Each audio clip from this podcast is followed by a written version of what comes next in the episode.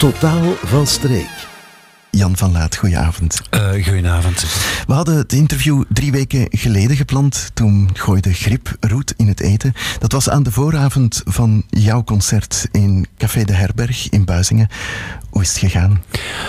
Uh, dat was eigenlijk uh, gewoon fantastisch. Het was een heel ingetogen, rustig concert. Uh, en voor ons was het een beetje de afsluiter van een reeks van concerten die wij hier in de streek in het Pajottenland gedaan hebben in het najaar. En dat was eigenlijk, ja, dat spande wel de kroon, moet ik zeggen. Mhm. We gaan even terug naar het begin, hè, want uh, je gaat al een hele tijd mee. Hoe zijn de eerste muziekervaringen tot stand gekomen? Dat kwam uh, grotendeels een beetje uh, ingelepeld, maar dan vooral door, uh, ik denk, mijn grootvader was, was wel een muzikant onderwijzer, muzikant. En ik kreeg de smaak te pakken en bij ons moeder mochten wij dan in de garage repeteren. Maar ik kon wel een beetje spelen, maar ik had vrienden die niet konden spelen en ik nodigde echt werkelijk iedereen uit. En elk van een emmer tot een ijzeren staaf nam ik vast en gaf ik aan iedereen. En wij maakten daarmee muziek uh, tot mijn ma op een moment wel een beetje horendol werd. Ja, de muziek die jouw mama jou wilde laten horen, dat was wat minder luid. Hè? Dat was Claude François, dat was Demis Roussos. Ja, Claude François. En ik herinner mij nog altijd Le Téléphone Pleur. En daarin komt zo uh, ook, ook, een klein kitje dat zegt: Oui, papa, Le téléphone pleure. Da da. En dat zit nog altijd in mijn kop. En Demis Roussos, never and never and never.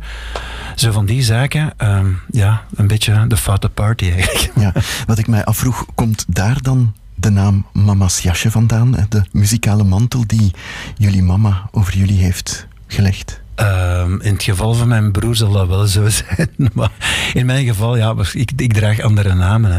Maar Misschien wel, ja. Dat is, uh, ik denk, Mama's Jasje is toen in de tijd ontstaan geweest uh, met die samenwerking met Steven de Kort. En dat ging over een vestje en over een jasje. Ja. Voilà. In de puberteit verandert het dan, hè? Um, oh ja. Ja, Claude François moet plaatsmaken voor meer experimentele muziek. Mm, ja, ja. Ja, ja. ik, vind, ik vind het kei leuk dat we hier op deze radio hierover kunnen praten. Eigenlijk. Ja, we gaan er zelfs naar luisteren. Maar uh, leg het even uit. Wat uh, was dat dan precies? Dat was uh, punk, dat was... Ja, nu hebben we het wel over de punkperiode. Hè. Mm. Um, dus ja, vanuit, vanuit die garage ging het dan over naar experimentele muziek. we kwamen in de punkperiode terecht. En ik was echt zot van één bepaalde punkgroep. En die heette de Tuut Pistols. Het is, ik zeg tuut omdat het, ja, het is gewoon carrément de Sex Pistols. En uh, ja, die hadden een nummer. Um, ik, ik weet niet dat je dat gaat draaien. God Save the Queen. Ja, dat gaan we draaien. God Save ja. the Queen. A fascist regime. Het interessante daaraan dat was dat het ook zeer politiek getint was. Uh, zeker in Engeland kwamen de jongeren, de werkloze jongeren, op straat en uh, gaven muziek een stem en gaven politiek een stem door zich volledig te uiten tegen het establishment. Ja, was jij daar zelf ook mee bezig met die teksten? Niet alleen muzikaal, maar ook met de inhoud van? Ja, zeker en vast. Ja. En eigenlijk nu nog altijd. Terwijl, weet je, in, in die tijd en zeker die periode van de punk, die konden zich echt volledig laten gaan. Uh, ja, tegen wil en dank, met tegen- en voorstanders. En ja, dat is een keuze die je zelf maakt. Hè.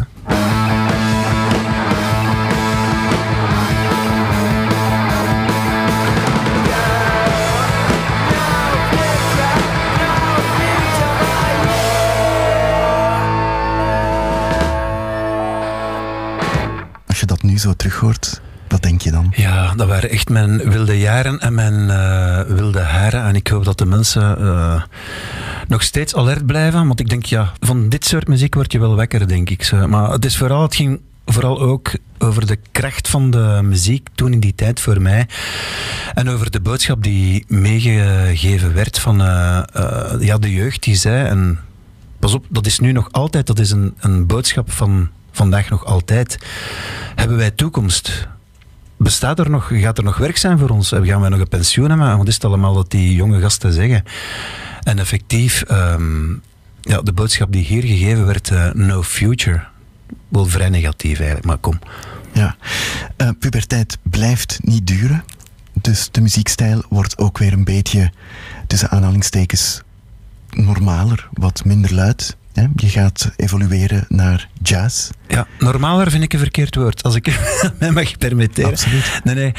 Uh, normaler, ja, kijk, uh, je wordt um, volwassener en zeker op het gebied van, uh, of, of je wordt anders, nee, je wordt anders op het gebied van muzieksmaak. en mijn puberteit is nooit voorbij gegaan. Ik zit nog, nog altijd in mijn puberteit. Ik, je mag het aan mijn vrouw vragen, dat is nog altijd effectief zo. Het is zo'n nummer zoals we net hebben gehoord, dat kan je nog altijd waarderen. Ja, zeker en vast. Ik heb, uh, ik heb al die platen nog, zoals nog, nog, nog heel andere dingen. En ook hedendaagse, um, ja, dat gaat van metal tot jazz, tot Tom Waits, tot Nick Cave, tot Willy Sommers, tot, ja, noem maar op. Mm. Je noemt wat uh, mensen op. Zijn dat dan de mensen die je leert ontdekken als je iets ouder wordt? Uh, ook door mijn evolutie allee, als muzikant zelf. Dus ik leerde dan echt wel uh, ja, echt gitaar spelen. Ik uh, volgde les toen als uh, zanger bij... Dat was een operazangeres. Dat ga ik nooit vergeten. dat was iemand die woonde in, in Brussel, in de, in de Rue Boucher woonde die. En dat was een pianiste, een klassieke, een geschoolde lerares. En die had de manier om mijn ademhaling en tonaliteit aan te leren door mij vast te binden aan haar piano. Die bond mij vast aan de piano en dan moest ik mij recht trekken met een sjaaltje aan mijn rug om beter te leren ademen. En ook zachter te, allee, zachter te leren ademen en te zingen. En ik begon ook te luisteren naar zachtere muziek. En daaruit is mijn liefde voor uh, jazzmuziek gegroeid. -hmm. Niet alleen luisteren, je begint dan ook stilaan zelf te creëren. Wanneer beginnen de echte creaties? Uh, de echte creaties, ja, dat lijkt ons een beetje een, Amerikaanse film, zo high school toestanden. Uh, in het college in Halle mocht ik dan voor de eerste keer uh, op mijn 18, 17, 18 optreden.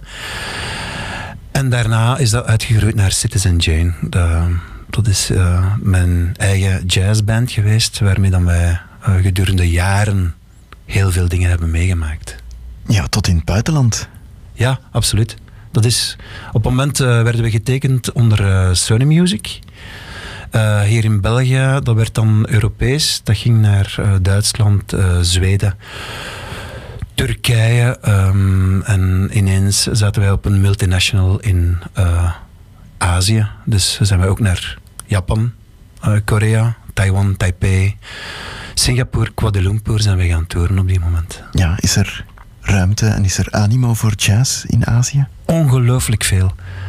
Ongelooflijk veel uh, mensen, en, en, zeker voor uh, Belgische jazz, op die moment mensen gelijk als Toet Stielemans, of mensen die in hun muziek een kleine jazzy chanson-inslag hadden. Adamo was super gekend in Japan, super populair. Uh, Toets zeker. En wat dan mij heel erg opviel als we naar daar gingen, we deden daar ook ja, tv-opnames, radio's, uh, live optredens.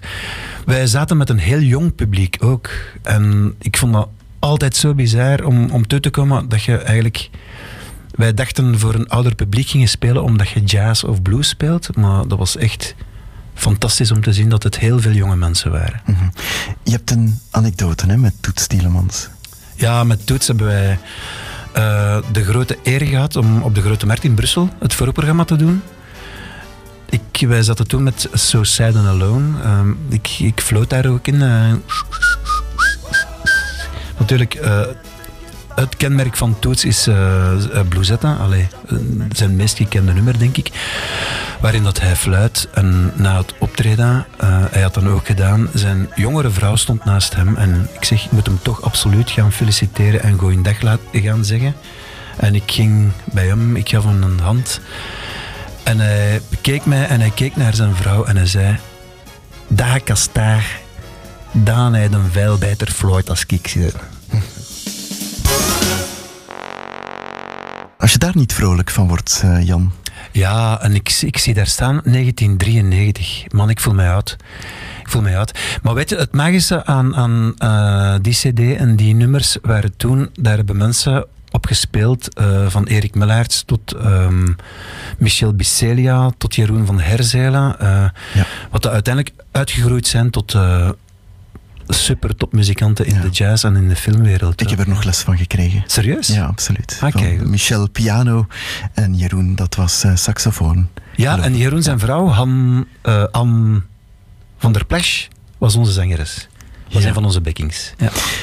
Als iets stopt, dan komt er weer iets in de plaats. En dat was dan Mama's jasje. Ja, ik, ik zou zeggen, mama's jasje kwam op mijn weg, maar die, die zat al heel lang op mijn weg, want dat is mijn broer.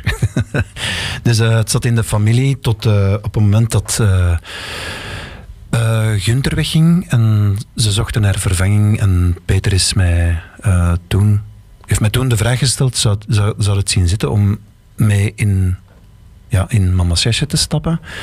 natuurlijk, ja, je moet dat ook kaderen als een, ja, twee broers, uh, het, het, mooie plaatje.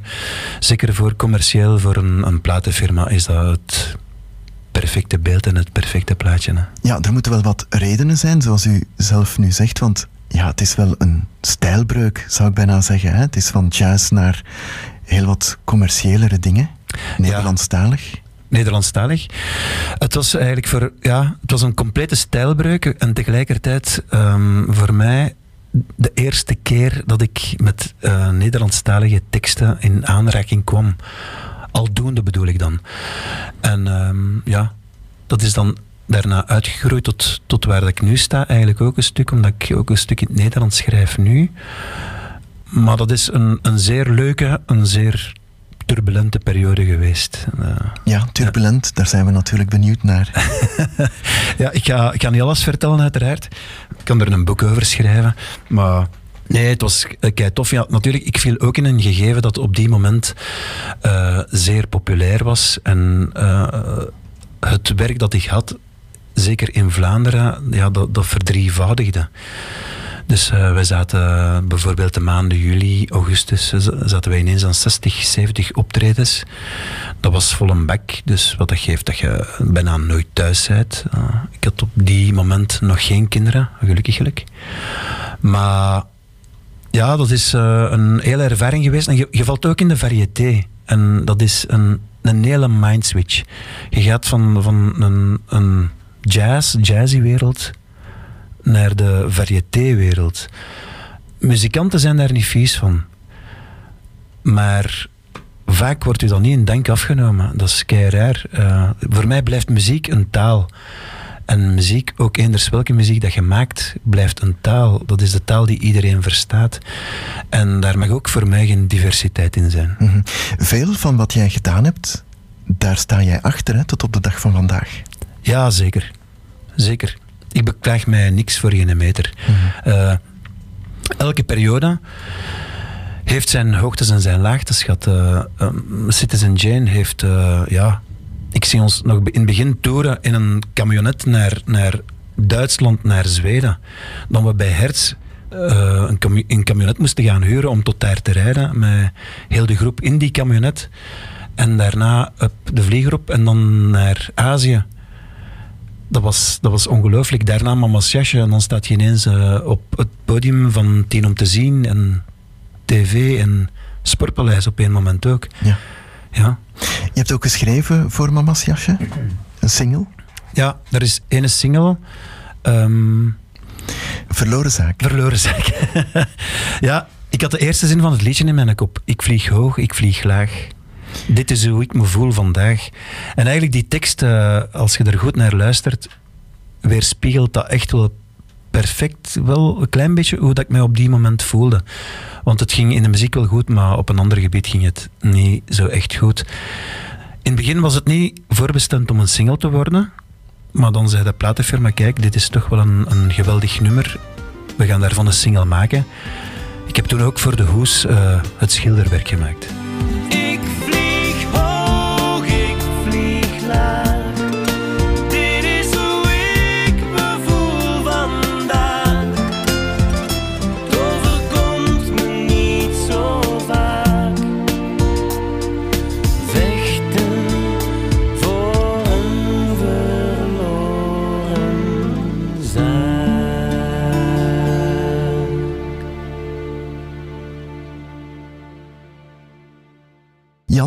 Gaat dan weg op een bepaald moment en dat is een bewuste artistieke keuze om weer andere oorden op te zoeken?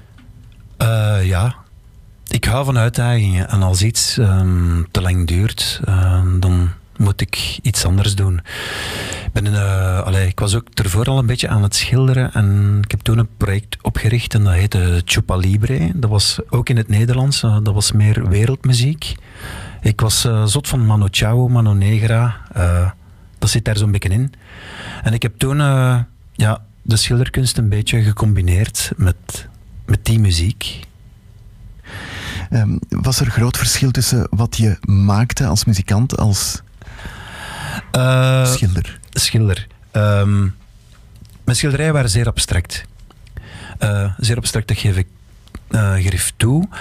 Maar ik ga nooit vergeten uh, mijn goede vriend uh, Andy de Brouwer uh, van Les Éleveurs.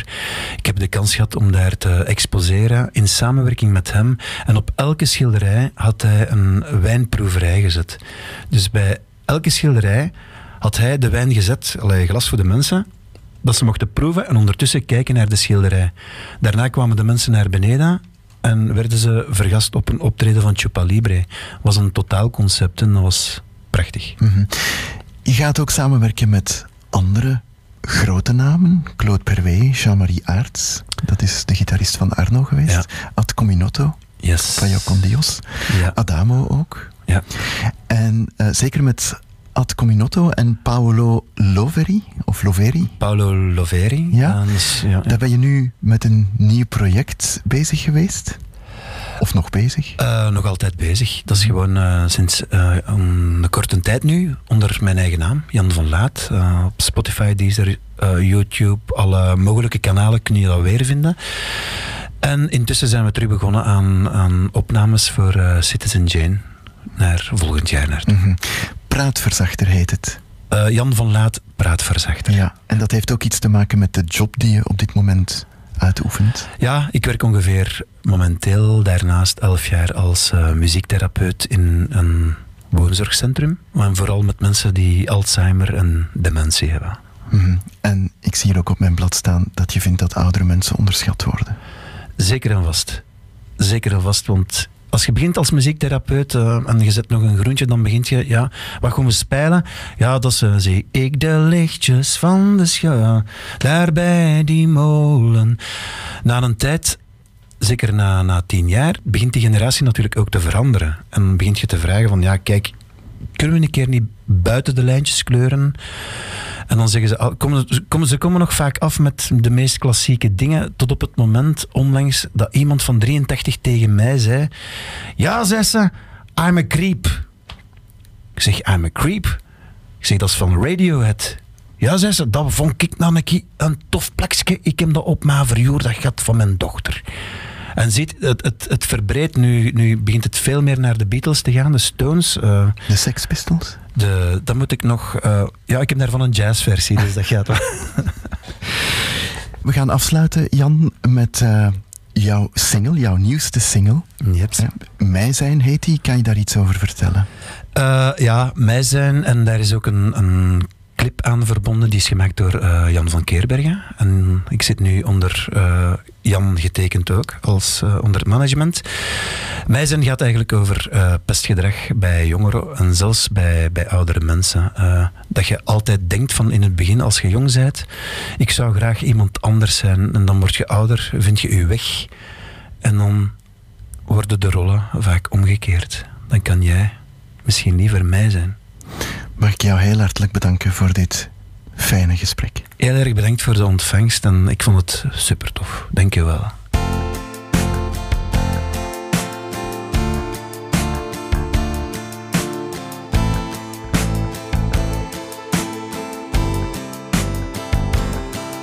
Soms ben ik grappig, foute one-liners, speel nooit de azen ik heb niet de moves, kon ik maar.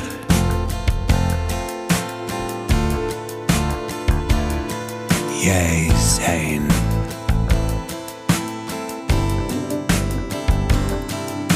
Ik heb niet de moed ervoor te gaan. Misschien word ik iemand die nooit heeft bestaan. Kon ik maar.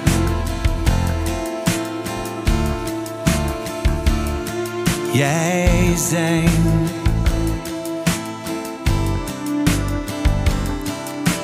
Ik reis op een spoor door mijn hoofd. Ik neem je mee met mij.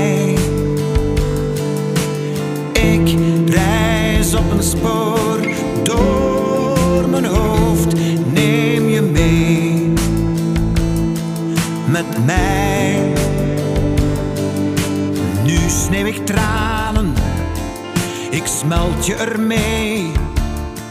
Om op oceanen te zeilen met twee, kon jij maar.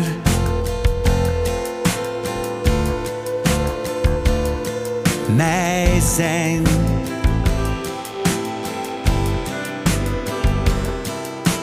Ik reis op een spoor door mijn hoofd, neem